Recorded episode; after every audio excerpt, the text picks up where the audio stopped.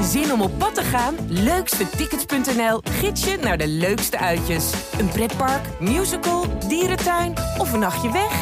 Start je zoektocht op leukstetickets.nl. Mijn verhaal. Persoonlijke verhalen van vrouwen voor vrouwen. Nadat Carolina's man negen maanden in coma lag, vertelden de artsen haar dat hij een kastplantje zou worden. Daar dacht Carolina toch echt anders over. Ze besloot haar man uit het revalidatiecentrum te halen en hem zelf te verzorgen. Al binnen een paar weken ging hij stapje voor stapje vooruit. Dus besloot Carolina twee jaar van haar leven te wijden aan het herstel van haar man. Toen ik hem zag in het hospitaal, met al die apparaten, nou, toen stortte mijn wereld in. Welkom bij Mijn Verhaal, een podcast van Margriet. Ik ben Marijke Kolk en dit is het verhaal van Carolina. Kun jij om te beginnen vertellen wat er eigenlijk is gebeurd met jouw man Paul? Ja, op 11 maart 2020 was mijn man onderweg naar zijn werk en heeft hij een eh, hersenbloeding gekregen. Eh, daardoor is hij eh, tegen een boom gereden met 80 km per uur.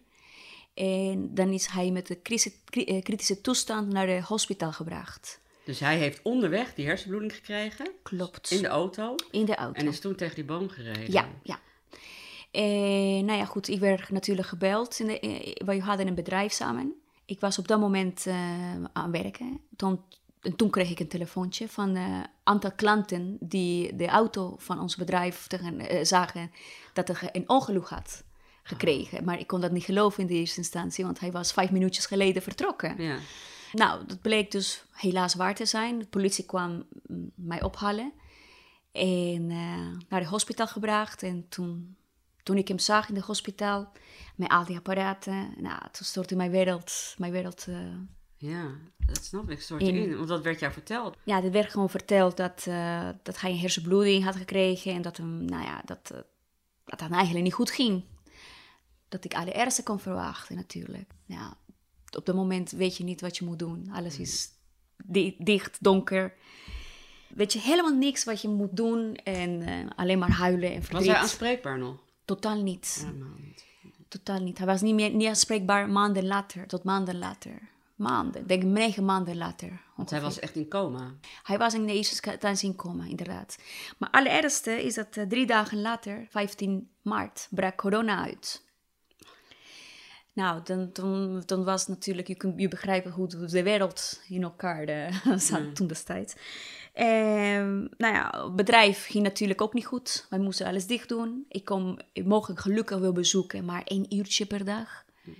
En eh, op dat moment heb jij eh, problemen met eh, leveranciers die, en afspraken die mijn man had gedaan, dingen met belasting, banken, codes die hij alleen maar in zijn hoofd had, die moest zo snel mogelijk achterhalen.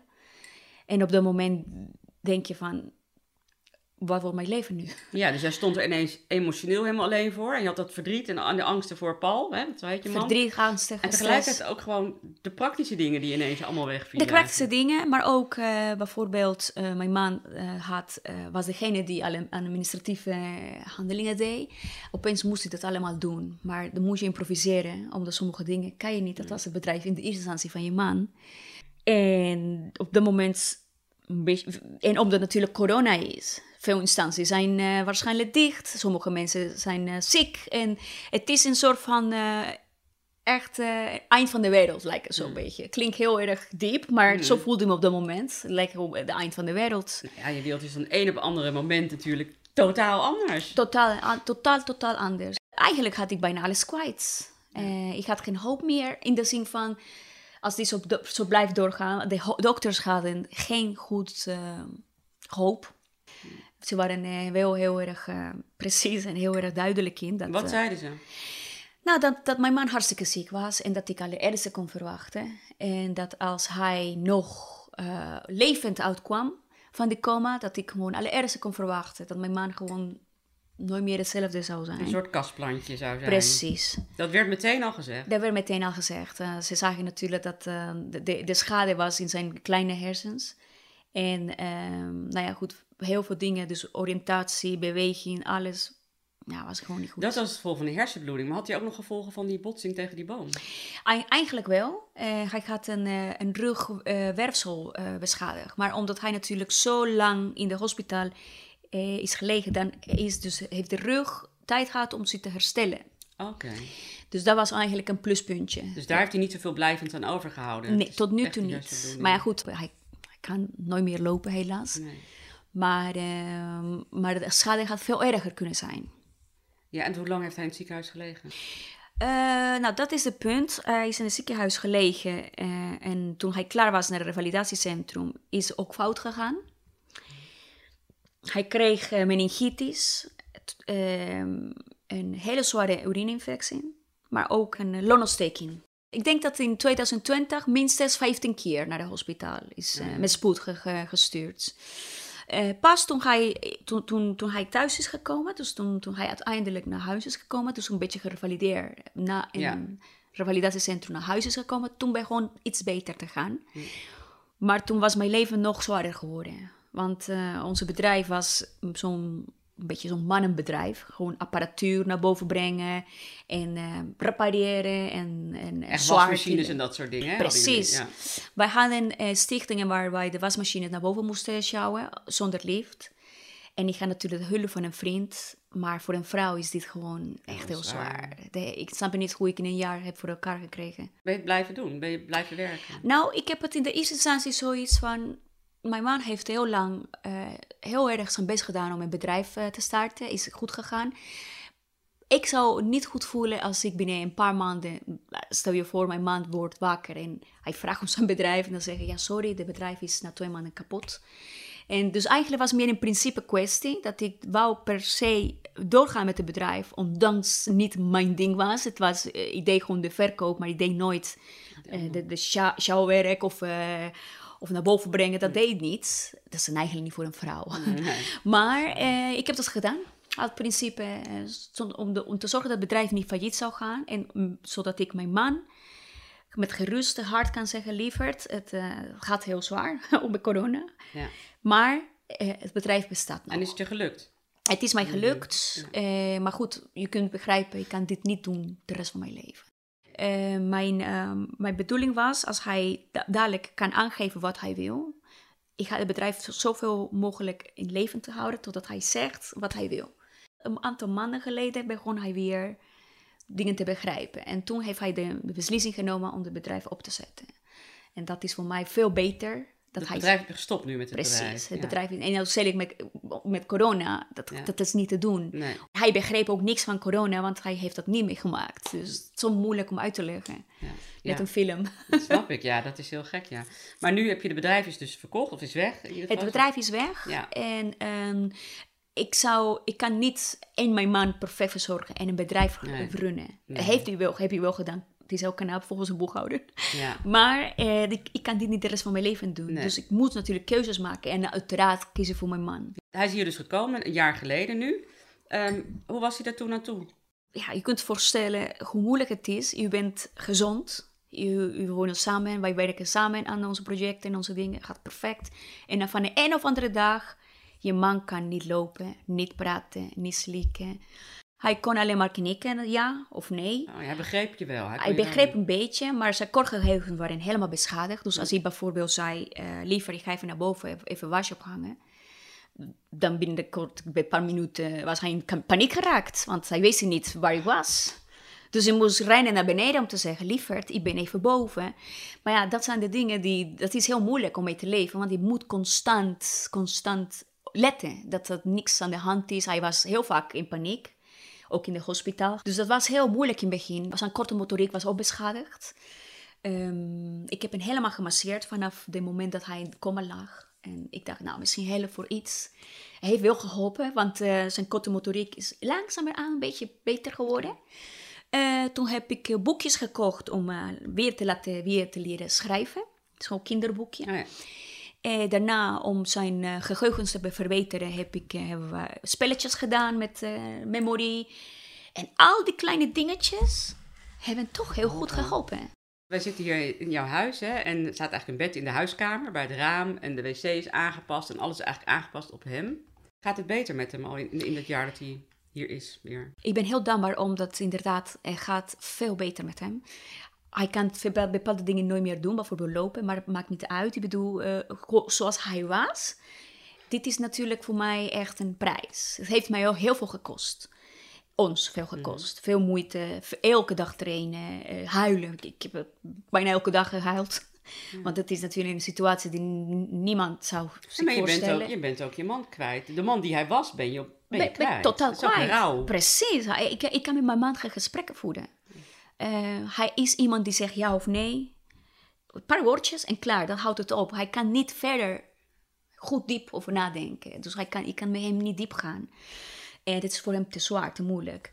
Maar inderdaad, wat u zegt, mijn man is gewoon, ik ken mijn man niet meer. En, en eh, ik leef soms met een bepaalde, ehm, met hoop. Hoop verlies ik nooit. Maar wel met een, ehm, een idee van hoe het vroeger was. En, en met dat blijf ik. Gewoon hoe, wat voor geweldige man hij was. Is nog steeds. Zijn er nog momenten waarin je dat wel met hem vindt? Jawel. ehm, soms is, heeft hij dagen. Soms heeft hij moeilijke dagen. Net zoals iedere persoon. Maar bij hem is extra benadrukt. Omdat hij natuurlijk zijn hersens niet goed meer functioneren. Maar sommige dagen staat hij veel meer helder op. En dat zijn de dagen die ik geniet eh, met hem. Want dan kan ik met hem proberen te praten over vroeger. Hij kan dingen van vroeger, vroeger wel herinneren, maar niet van kort geleden. Dus dan ga ik wel de leuke momenten uithalen. Het is een soort therapie, vind ik. Voor hem en voor mij, want dan ben ik eventjes van de realiteit even weg. Ja. Dan weet ik hoe het was. ja, dan voel je ook weer even samen. ik voel je even weer samen. Zijn er meer van die momenten waarop je je nog samen voelt? Kun je elkaar, hou je elkaar nog vast of zijn er momenten? Ja, ik probeer met hem hier, dat beetje is veel te klein, maar ik, ik, ik heb een paar keer hier geslapen beneden met hem. En eh, ook lekker tegen hem aan. Eh, ga tegen hem aan, want ik, ik slaap natuurlijk al heel lang niet meer met hem. Maar het is niet... Ja, ik ben best wel een, een eh, gezelschappersoon. Ja. En voor mij is heel belangrijk om even met hem, hem te voelen en bij mij. fysiek, ja, Fysiek, ik, ja. ja, klopt. En ja, ik doe wel soms met hem hier beneden slapen. Al slapen we niet zo erg comfortabel, maar het voelt wel weer... Voel je dan dat hij dat ook fijn vindt? Ja, dat ook ja, hij zegt ook nog zelf, even slaap je vandaag bij mij? Ah.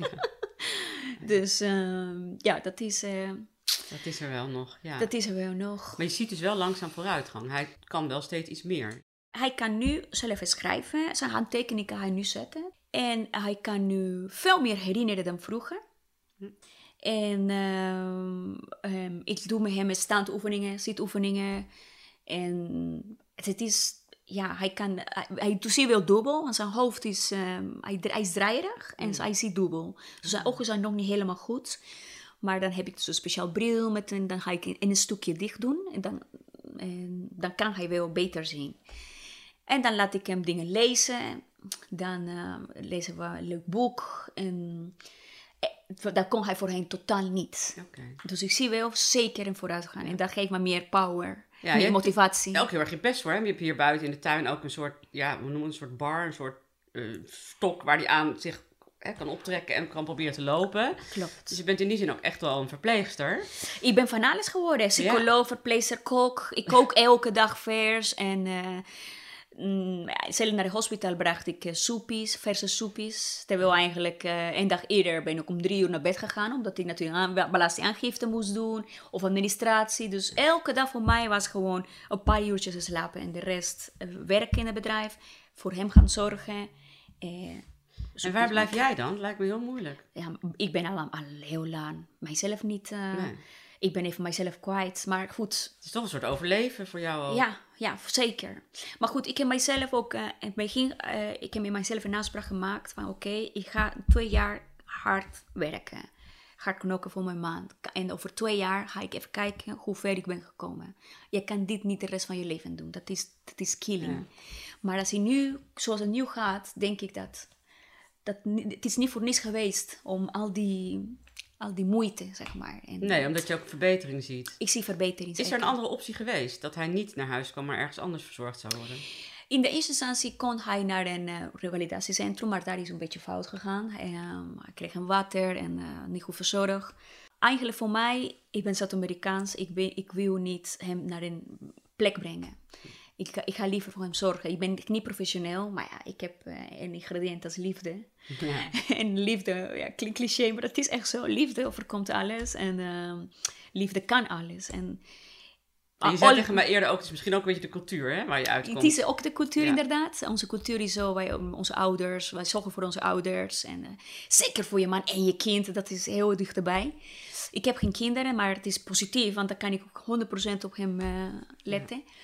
Eh, maar ik zou niet naar een plek brengen. Hij is nu, hij kan nu naar de drie dagen naar de opvangcentrum. Dat is een dagopvang. Maar dat is voor mij de maximum wat ik voor hem wil doen. Want ik wil niet constant, constant, constant naar een plek brengen. Dat wil ik niet. Nee. En hoe heeft hij het daar? Vindt hij het fijn daar? Oh ja, fantastisch. Oh, oké. Hij- want hij ziet andere mensen, zij gaan- doen daar spelletjes. Dus voor, voor hem, voor zijn eh, eh, ontwikkeling, maar ook voor zijn eh, motoriek en voor, voor alles, is wel beter Ja. iemand anders zien, andere dingen meemaken. Want hij, hij, is niet, hij is niet bij de pakken neer gaan zitten. Hij is best vrolijk, hè, zei. Hij is een heel vrolijk persoon. En ik vind het heel knap dat hij nog steeds, ondanks zijn situatie, er nog steeds vrolijk eh, te leven gaat. Dat vind ik heel knap. Ja. Ondanks, ja, ik weet niet of dat te maken heeft omdat hij niet diep kan gaan met zijn hersens, of omdat hij dat neergelegd heeft. Dat weet ik dus niet. Nee, of gewoon zijn karakter misschien. Dat was altijd al. Maar hij was te verantwoordelijke man geweest. Dus ik denk, ik, als ik in zijn plek was, ik zou gewoon niet echt met geruste hart leven. Dat, Wetende dat, dat mijn vrouw gewoon alle pressie krijgt en dat hij gewoon niks kan, geen kant op kan. Ik zou gefrustreerd raken. Maar ja, hij, of hij laat dat niet zien. Dat kan ook. En, en durf je hem wel, want jij bent denk ik altijd bij hem. Durf je hem wel alleen te laten in huis bijvoorbeeld ook? Nu wel, eh, voor hem totaal niet. Maar nu laat ik hem wel, maar niet heel lang hoor. Alleen als hij boodschappen haalt. Oh ja. Eh, moet, er moet natuurlijk boodschappen gehaald worden. Eh, dan laat ik hem hier in huis. Laat ik even in bed. Even een slaapje doen in de middag. Ik heb een camera. Dan ga ik even boodschappen halen. En dan ga ik eh elke dan zoveel je, tijd. ja? Of hij aan het slapen is. Of wat dan ook. Hey, en nog even over die band, hè? Want jullie zijn hoe lang samen? Best wel 20 heel jaar. lang. 20 jaar. Ja. Wat is het belangrijkste wat er is veranderd in die band? Wat er veranderd is, nou eigenlijk alles. Alles. Want ehm, je kan, voor mij is het heel belangrijk, diep kan gaan met je partner. Gewoon je, je, je diepste dingen vertellen, waar je mee zit. En, Ja. en eh, een interactieve gesprek krijgen. Ja. Ik heb geen interactieve gesprekken met mijn man. Dus ik kan mijn ding niet kwijt bij hem. Maar het- eigenlijk aan de ene kant wil ik ook niet, want ik wil niet dat hij denkt, oh, dat is toch mijn schuld. Ik wil niet dat hij schuldig voelt, want hij kan er niks aan doen als hij hersenbloeding heeft. Maar ehm, alles is veranderd. Mm, soms denk ik, ik ben met een vreemde in huis. Je hebt me net de foto laten zien, heb ik niet gezien. Nou, het is een hele knappe man. Hele knap man. Ja. Kan je dat nog steeds voelen? Kijk, ik kijk naar hem met andere ogen, denk ik. Dat is, nou, als u na een tijdje met uw partner bent, al was die partner heel knap, want knapheid gaat natuurlijk op een duur weg. Ja. Waar blijft dan over? Nou, eh, als u naar een partner dus kijkt met de ogen van de liefde, zou uw partner nooit anders zien. En dat is in mijn geval. Kijk, hij heeft een katheter. Dus hij kan Ja. niet zelf naar het toilet, hij kan niet zelf plaatsen. Dus hij heeft altijd constant een katheter. Ja. En ik, ik moet verschonen altijd als ik naar het toilet ga. Kijk, dat zijn hele moeilijke dingen. Mm. Dat zou misschien een partner van de ander nooit absoluut niet willen. En qua aantrekkelijkheid, nee, dat, dat is niet, dat land niet meer. Nee. Maar het is wel een ding dat je die voor misschien veel belangrijk is. Een dingetje. En dat is de liefde. Ik kijk naar hem met de liefde ogen. Wij zoenen en wij omarmen elkaar. Ja. En, maar ja, goed, het is niet, eh, niet seksueel meer, maar gewoon liefdelijk. En die gesprekken die je zei, die je misschien wel mist, zoek je die dan nu bij andere mensen of bij vriendinnen? Of hoe, hoe doe je dat? Ik vind het heel moeilijk om, om, eh, om te klagen bij, bij mensen. Ik kan dat echt niet tegen. Het lijkt alsof ik gewoon... Want ik ben van, van natuur ben ik een heel vrolijk persoon en heel enthousiast persoon. Maar ja, mijn leven de laatste twee jaar is alles behalve enthousiast en alles behalve gelukkig. En de enige wat ik heb om te vertellen is hoe, verschrikkelijk alles is. Ik kan niet een vriendin elke dag bellen en, te- en zeggen dat ik gewoon verdrietig ben. En dat ik hem verschrikkelijk vind. En dat ik, eh, mijn leven is zo veranderd, dat ik geen vrijheid meer heb. Dat, ik vind dat... Nee, ik doe dat niet. Dus eigenlijk praat ik met niemand daarover. Nee, maar het kan vast je af en toe ineens helemaal in de put zitten. Je Zeker. Denkt, oh, is dit het? Oh, en hoe lang? Ik zit eh, heel vaak in de put, ja. En wat doe je dan? Gewoon even heel hard huilen? Nou ja, heel hard huilen. Ja, wat kan je anders? Ja. Ik heb twee katjes en ja, twee, twee dier, huisdiertjes en die geven mij heel veel liefde. Maar in die put zitten ja, heel vaak. En zeker in de tijd van corona, waar je nergens naartoe kon. En uh, bezoek, um, je kan nergens niemand bezoeken. Je kan geen bezoek krijgen, want hij is natuurlijk een risicopatiënt. En, en als je dat nog, nog, uh, als het nog in de winter is, dus de wintertijd donker, en dat, ik kan me voorstellen dat heel veel mensen op dit moment echt zo in de put zitten door, zeker met zo'n situatie, ik heb echt met te doen, je weet precies wat het is, hoe het voelt. Ja. Maar ja, goed, dan ga ik hard huilen en dan ga ik erover nadenken van oké, voor mij is het belangrijk dat hij leeft, dat hij nog bij mij is. Dus je moet gewoon verder gaan, doorgaan. Dit was Mijn Verhaal, een podcast van Margriet. We vinden het leuk als je op onze podcast abonneert of een reactie achterlaat. Wil je meer inspirerende verhalen horen? Ga dan naar margriet.nl/podcast.